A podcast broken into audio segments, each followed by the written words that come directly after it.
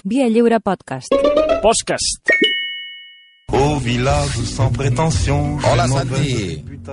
Hola, què tal? Hola, Com Malcom? Otero. Què tal? Bon dia. Però res, només un petit comentari, perquè no, és que ara estic veient que està sortint a la televisió el, el, vaja, el, el, el, l'inapel·lable Sergio Delgado, subdirector de Protecció Civil, que està fent una ruta pels mitjans de comunicació explicant els, els trams, eh, els canvis del tram i totes aquestes coses.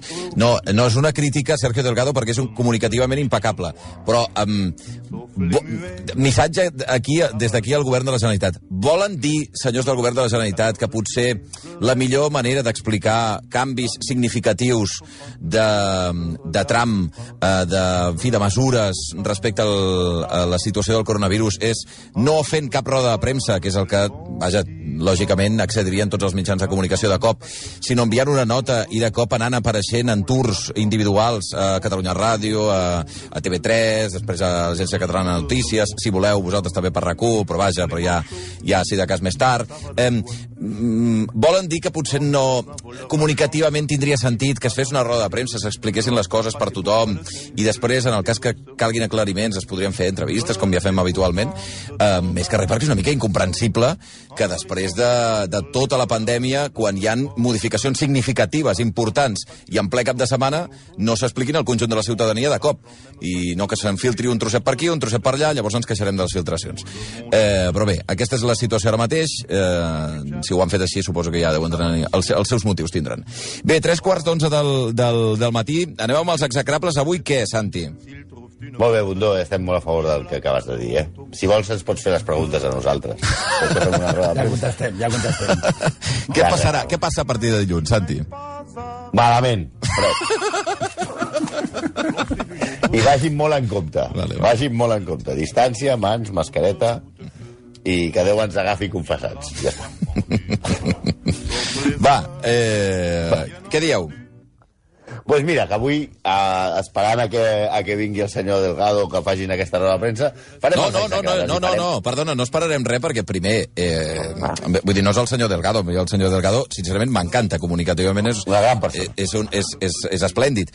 No, no, el que jo dic és que no entenc que no es pugui muntar una roda de premsa per explicar al conjunt de la ciutadania i en directe, que és com estàvem tots els mitjans de comunicació, um, el, el que, els canvis que ha decidit la Generalitat després de, 20, de 48 hores de ridícul de, de no posar-se d'acord entre uns i els altres. Eh, jo només diria això. Crec que potser seria lògic que, es- en fi, que es fes una roda de premsa i s'expliquessin com normalment es fan les coses. Però vaja, eh, suposo que també té a veure amb, amb moltes altres qüestions eh, polítiques, bàsicament. Eh, digues, digues. No, imagina't ara que va, en lloc del Koeman fer la roda de premsa a la una, ni anés fent tot d'entrevistes. A veure, per explicar Sí, sí, sí. sí. el partit de demà. Sí, sí. Bueno, farem dues coses ara que ens encanten, eh? D'una banda, un, tornem amb el, a, la, a la secció d'execrable express. I, a més a més, pentinarem a un francès, que ens agrada molt. Perquè airejar les vergonyes dels francesos és una de les coses que més ens agrada. Nosaltres he, hem, fet, hem fet a Mitterrand, hem fet a De Gaulle, hem fet a Voltaire, hem fet a Balzac, hem fet a Cousteau, i, i no ho fem això només només pel, pels jugadors del Barça. Eh? També fem... Eh, ho fem perquè, clar, tindríem motius, que serien, per exemple, per Griezmann, per Todibó, per Matier, per Dembélé, per Umtiti, per Digne, per Lenglet, per Petit, per Dugarry, per Dutruel, per Dehu, per Cristambal, Oh, per Fetxa de Vidal... Sí, mirem el mal que ha fet França en el Barça. No és poca cosa, eh? No és poca cosa, eh? O sigui, la, la llista l'hem fet així a voleo i ha sortit bastant llargueta, eh?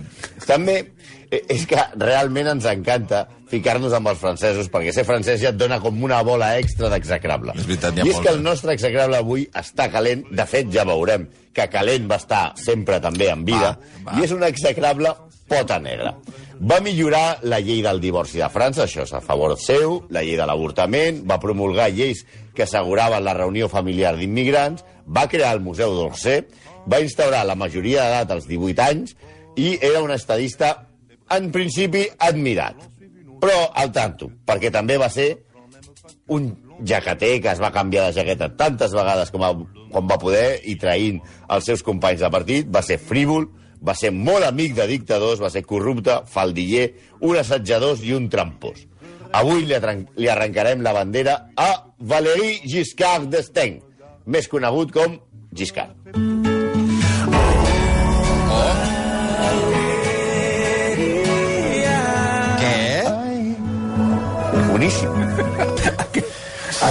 Pastelazo, perdó per la veu, aquest pastelazo no té desperdici. Cal dir que estem una mica ofesos, Xavi, perquè l'altre dia vas dir que la selecció musical era bona. I això sí que no, eh? No. Podem dir-vos moltes coses, però això no. de- Això no, això no. Hosti, si no tens... posem no, el tema de Valeria per... no tens veu, uh, Malcolm. sé Què t'ha passat? No, no sé, no sé què ha passat. He agafat fred Ja, ja, ja, ja. Sortir, ara no, ara se- segur que... Els centres comercials encara no estan oberts, eh? Vull dir que... Ha anat a Ja, ja ho sé, ja ho sé. Era d'esquiar, de d'estrangis. Ja, ja. No, la, la... Posem el tema de Valèria per Valeri Giscard, òbviament. El vídeo musical és de traca, eh? eh jo us recomano molt. Es diu De Vicio. De Vicio Valeria. Pe- El primer pla, el primer surt un primer pla d'un cantant cursi que sembla que està a punt de plorar i segons es va obrint el pla a poc a poc no és pena, sinó que li estan fent un tatuatge al braç. Ah, I ni tan ah. sols el tatuatge posa Valèria. Es fa un ninot allà. No, no cridis I té gaire perquè és que com- no acabes la, no acabes la secció, eh? Però bueno, endavant. Y te, te frases, ara és el que. I té frases com si te miro, siempre olvido cómo caminar. És a dir, un ictus. És, és, és genial la cançó. Bueno, toma bona selecció. Hosti, ai. No ens aturarem avui, no ens aturarem avui molt en la, seva, en la infància de, de, de Valerí. Va néixer a Alemanya, perquè era la Copa de Renània, després de la Primera Guerra Mundial.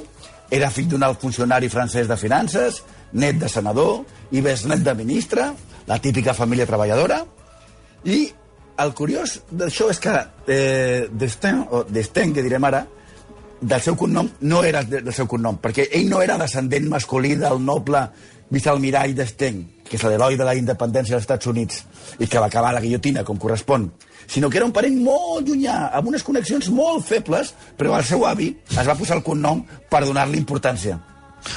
El més graciós és que fa uns anys uh, Valerí va comprar a l'Ajuntament d'Esteny el castell d'Esteny. Dir, no, no riguis, joder. No, va, és que, és que a, a veure, Malcolm, jo només et recomanaria que no forcis. O sigui, és que estem patint tots perquè No, no, estàs, fent uns, estàs volent fer uns crits, baixa el to i ja està, que no, no, no tal. Ja, sembla, sembla una, una mesa soprano, no? Sí, sí. No, no pots cridar, ja està, El no pots cridar, tranquil. El, el, el, el més graciós és que fa uns anys, això que deia, va comprar a l'Ajuntament d'Esteny Sí. el castell d'Esteny. Ell volia fer un centre amb els seus papers, les seves correspondències, etc. I així, d'aquí uns anys, les, seves, la, la, les generacions futures pensarien que Giscard d'Esteny havia viscut al castell d'Esteny. Clar, clar, clar, clar. És com si tu, Xavi, et compres el castell de Bundó, a Bundó. No, no I hi ha- sembla que els Bundó no hi sempre heu viscut al castell de Bundó. No hi ha cap castell a Bundó. El que sí que hi havia, Bueno. perdona, el meu segon cognom és Buil, i hi ha un castell a la- a l'Aragó, o hi havia un castell, crec, que, que era el castell Buil, sí, efectivament. Llavors sí que... Compra't-el, compra't-el. Bueno, no crec, no crec que tingui suelto ara per comprar-me un castell. Ara, ara jo no sé si fer la secció amb veu de, Hosti, de, tremenda, eh? de porqui, perquè després de l'exhibició del Gallo Claudio... Hosti, és tremendo, Allò de- és tremendo. No sé si... muchacho, digo muchacho! Sí, sí, Vamos sí. a... Bueno, Va, tira. als 16 anys, Teleñecos. a D'Esteny, no, no el Gallo Claudio, Sí. s'allista a la resistència i col·labora en l'alliberament de París. Li van donar la Creu de Guerra, Està però hi ha això. diversos historiadors francesos, com Georges Valens, que va publicar una biografia que es diu UBGE, una vie, en el que que era el seu acrònim, que és com el coneixien a França, Sí. que diuen, a, les, a aquesta biografia expliquen que va inflar molt el seu paper a la resistència. Cosa que ens estranya molt. Un francès exagerant el paper a la resistència? No ho hem vist mai, això. O sigui, tots, tots els francesos que hem parlat, des de Mitterrand a Cousteau, de, de, tots els, els, els francesos contemporanis que van viure la Segona Guerra Mundial, tots van estar a la resistència i tots van ser herois. Seguim amb la mateixa pregunta, que ens expliquin com va arribar xiulant Hitler fins a París. bueno, però és igual. Eh, la cosa és que acaba la guerra i ell entra a l'Escola Normal d'Administració. I entra al cos de finances. El tio, ja hem vist que eh, tenia, venia de bona família, és llest, té molt bona planta, té habilitats socials, puja ràpid, puja ràpid, el tio trepa molt, molt ràpid. I als 29 anys ja és el director adjunt del gabinet del president del Consell. Poc després el fan diputat pel Puy de Dom, com Indurain. Sí, després li faltava ser diputat pel Tourmalet o per la, la Croix de Fer i, i, i per l'Alpe d'Huez. Als, als 36 L'Alpe anys, als 36 anys, ja és ministre de Finances del govern amb Georges Pompidou i amb la presidència Charles de Gaulle. Y no sabes quién es el desgraciado traidor. ya. Puede ser tu mamá. Retiro, retiro el que havia dit. Sí, sí, torna, torna a dir que la selecció musical és bona. Bé, Està molt fort, a més a més, això. Va així una mica el volum. Va, digues, Malcolm. I si no, que ho digui el Santi, Valerio. perquè el ritme que vas... no, no, no. Valerio és un geni amb, amb això de les lealtats, per això posem aquesta magnífica cançó. Ell va ser ministre amb De Gaulle, com a l'aeroport, i els dos eren molt alts, per cert, perquè feien molt bona parella, de, de pivots execrables. Però va fer campanya contra el referèndum sobre les regions franceses que va fer que De Gaulle dimitís. Ja, aleshores hi ha eleccions presidencials i comença donant suport a eh, Antoine Pinell. Però com veu que va perdent i que la cosa no va bé, canvia el seu suport i li dona suport a Pompidou, que el farà ministre un altre cop. Pompidou eh, es mor enmi, enmig del seu mandat, hi ha un altre cop eh, eleccions, ell es presenta i guanya en segona volta a l'execrable Mitterrand per un marge molt estret, el 50,81% dels vots. Trump, si això fos en Trump, encara estaríem compteu cada vot, deixeu de comptar vots, cada vot compta, deixeu de comptar vots, etc. A les eleccions l'ajuda molt un encara desconegut Jacques Chirac, a qui va fer primer ministre. Però a Chi- a Chirac, eh, Giscard li semblava un arrogant i en la segona elecció, l'any 81, no li dona el seu suport i, de fet, li retira el suport públicament. I Giscard no va sortir reelegit i perd contra Mitterrand. I després diuen que l'independentisme està fracturat i que Podem i els socialistes es porten malament. Al costat dels francesos són la família Telerín. Com la meva Sí, sí, pa- Sí, la teva veu, nen, eh, de veritat, eh? jo crec que no arribes al final, però bueno. Ah, això serà divertit veure com acaba patint en directe. El que deien els de la segona hora en el seu dia, se ha ido cayendo, cayendo, cayendo. Ha ido cayendo, cayendo, cayendo. Ara, la, el que va caure també va ser Giscard d'Estaing. Eh, tots els francesos que, que, que van veure per televisió la seva renúncia eh, recorden la, la imatge de la seva dimissió. Va ser una mica per, la, per als francesos com aquella imatge de la transició de quan va sortir eh, Adolfo Suárez a Espanya i va sortir i va dir que, que ho deixava allò tot seriós, no? Eh, a Giscard d'Estaing es dirigeix solemnament als francesos per televisió mentre està segut rígidament al seu despatx amb un escriptori, allò tope sèrio, i fot un monòleg de 100 minuts en el que explica que se'n va. El president acaba el monòleg de 7 minuts, fa una pausa dramàtica, mira a càmera molt profundament Sí. i va pronunciar un sec au revoir. Ara, aquí us quedeu. Dir que Ah, es va aixecar amb les dues mans sobre l'escriptori, es va girar i va sortir de la sala al ritme de la marsellesa, que és la que van posar a música.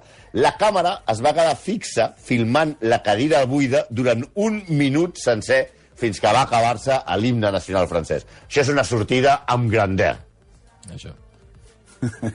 Sí, però Don Valerio no volia retirar-se de la política i encara que no va ser candidat a alcalde de Barcelona, es va fer diputat i al final dels 80 volia presentar-se una altra vegada. Però la victòria de Chirac el va deixar fora de joc.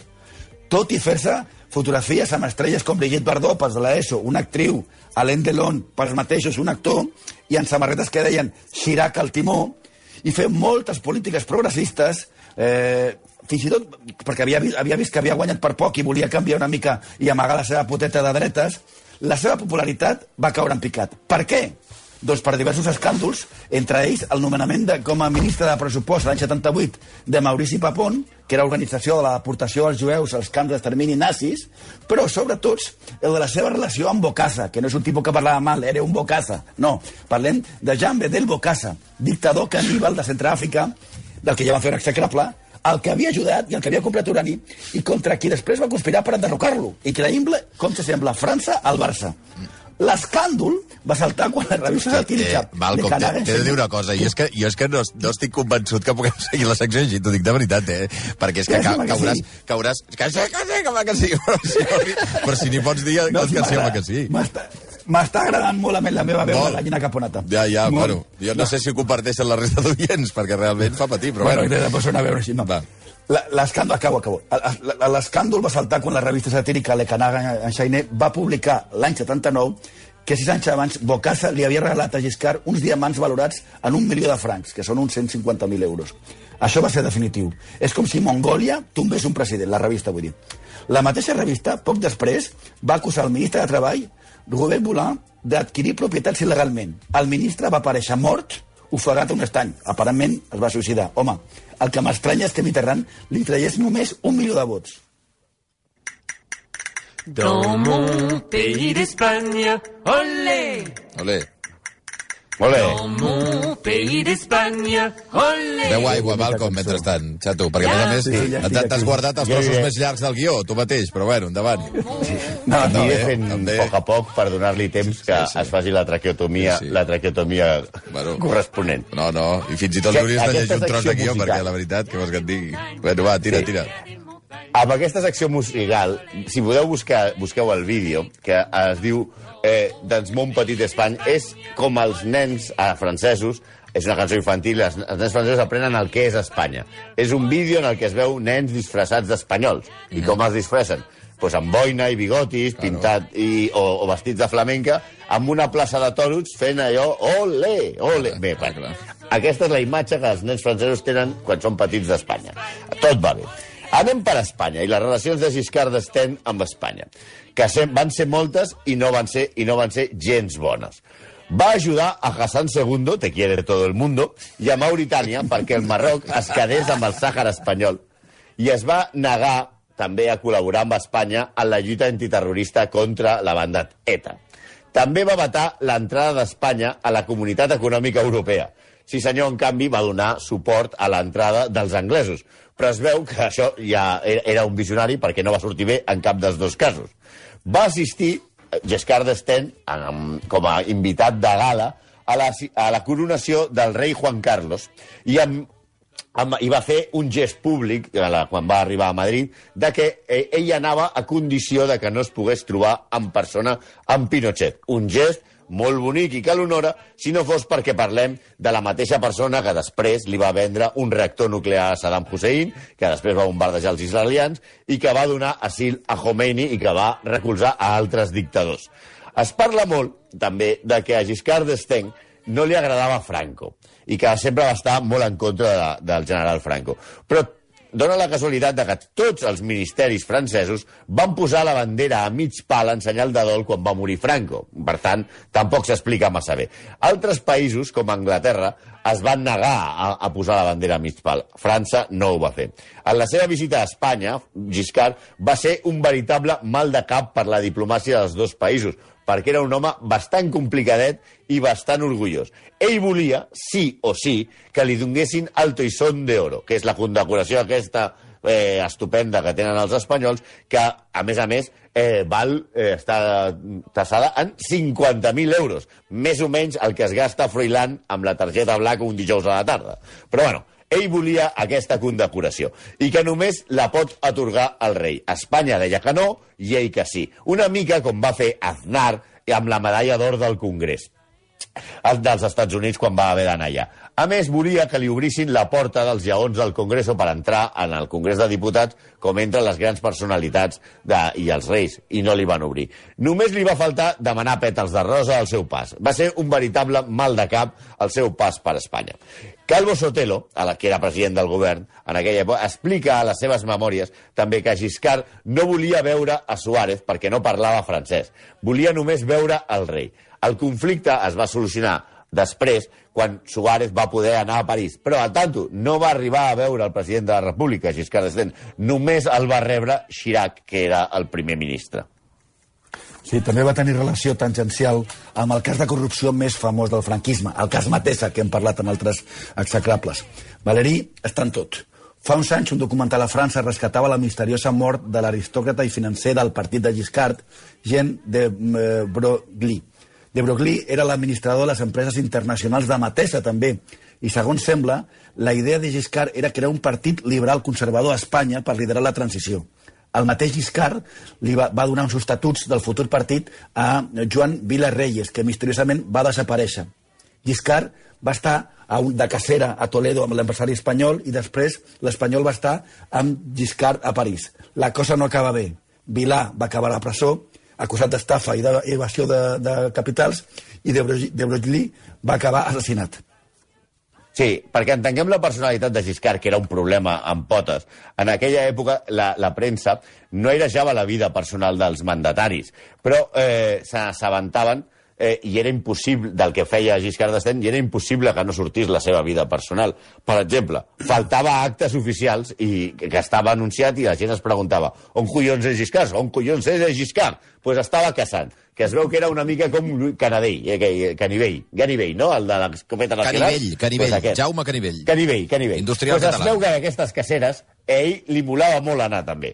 També eh, era molt tema de conversa a París, bastant, bastant, fa, bastant famós, que ell eh, arribava de tant en quant a altes hores de la matinada al Palau de l'Elisi posat com un piojo, com si fos Ernesto de Hanover sortint d'una boda. Vull dir, en una ocasió, fins i tot va estavellar el seu cotxe esportiu amb una camioneta d'aquestes que reparteixen la llet a les 5 del matí. En tipus una mica alcalde de Badalona.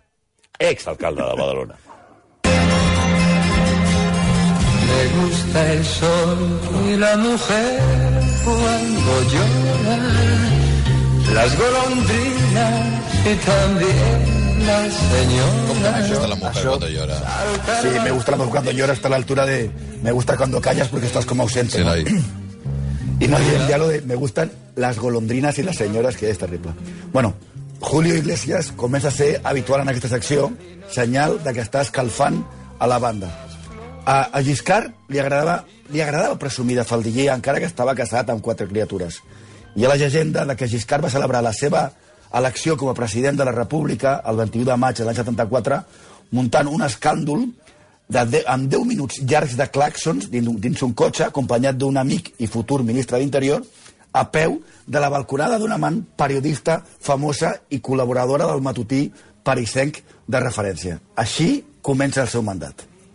Sí, ell, ell era el típic tio porc que es passa la vida fent comentaris sobre les dones i era, diguem-ne, un pitxa brava. Al final d'un Consell de Ministres va fer un comentari també, es va fer molt famós, sobre, entre cometes, l'esbaltesa de les cames de la ministra d'Educació de l'època, Elisa Onietzeet, que, o sigui, el tio va sortir i va dir heu vist quines cames més maques té la meva ministra d'Educació? Molt bé, senyor, un gran comentari. També es va publicar un llibre de Daniel Capton, periodista del setmanari Novel Observateur, en el qual afirmava que Giscard va tenir un fill amb la que durant anys va ser la seva responsable de premsa, però que mai el va arribar a reconèixer. Això es veu que ho fan sí. molt els, els, els presidents francesos de tenir fills perduts sí, sí, sí, sí, està dintre del càrrec. No, Giscard, que volia ser escriptor, va publicar un parell de novel·les eròtiques. Eròtiques, t'imagines? Un president de la República fent novel·les eròtiques. Una és Le Passage, en la qual un vell notari recull a una jove, una jove autoestopista i com a les pel·lis porno, a moure el llom tot el Ai, llibre. vinga, va. La crítica va destrossar la novel·la. Una de les crítiques que m'agrada, m'encanta, deia no sé quina mena de detritus té Giscard al cap. Literatura segur que no. I la novel·la Matilda, que és una altra, que es va fer famosa per la frase Calla, Matilda, no he vingut a conversar, sinó a posseir-te. Però el més patètic va ser la novel·la, que això ja és el colmo del ridícul, la novel·la La princesa i el president. Un tòrrid romans eh, en, en la qual els, els personatges eh, s'assemblaven molt a ell i a Lady Di. O sigui, vull dir, eren com si ell s'hagués lligat, lligat a, a, Ja, a Lady ja, ja, ja, ja, ja. Aprofitant-se d'una famosa foto en la que ella el mira així com una, amb una cara com, amb carinyosa. Poseu, si voleu, poseu Giscard Lady Di a Google i, i trobareu la foto.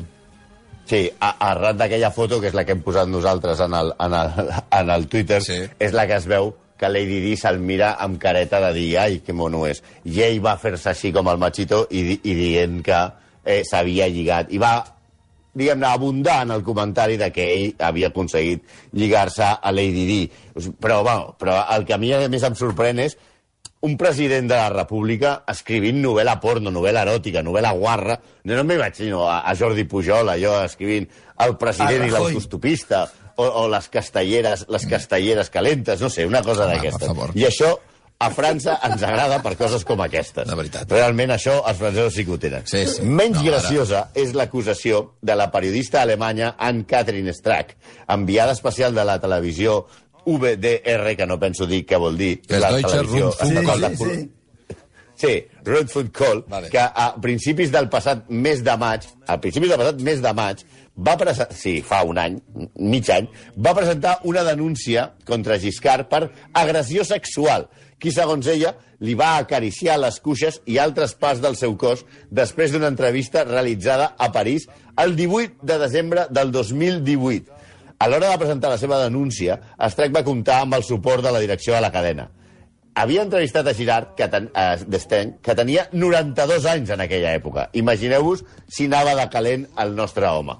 Un viejo verde sí, sí. al front de la República Francesa. Bueno, hi ha gent que està preguntant si t'has comido una almendra, Malcolm, que ho sàpigues que... No, es que soy- soy- soy supercoco. Fernando, ¿Me oyes? no, no, Fernando Simón. Eh, però, en fi. Eh, hi, ha, hi ha un altre, un, un altre oient que jo estic molt d'acord amb el comentari. Diu, eh, es pregunta si la gravació de la secció que es quedarà penjada al podcast és d'aquesta o és una altra veu. Perquè, clar, que es quedi allà, doncs és així. És aquesta. Bueno, en fi, eh, execrables, eh, recupera't, Malcolm, eh, sobretot. Santi Jiménez, una abraçada. Apa, adéu-siau. On viendra me voir pendu, sauf les aveugles, bien entendu.